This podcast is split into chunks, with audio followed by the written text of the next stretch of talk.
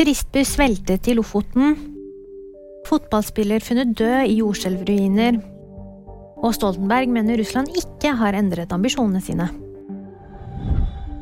En turistbuss har veltet på Vestvågøy i Lofoten lørdag formiddag.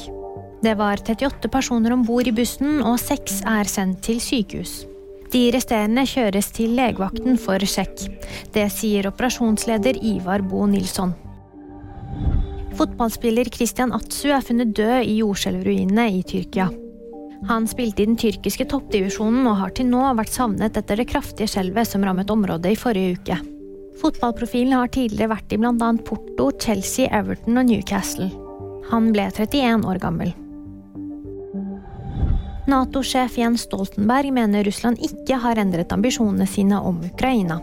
I en tale under sikkerhetskonferansen i München sa han at Russland derimot mobiliserer for fullt.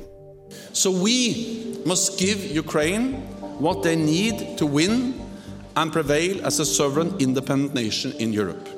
Det var VG nyheter. De fikk det av meg, Jamun Britgar.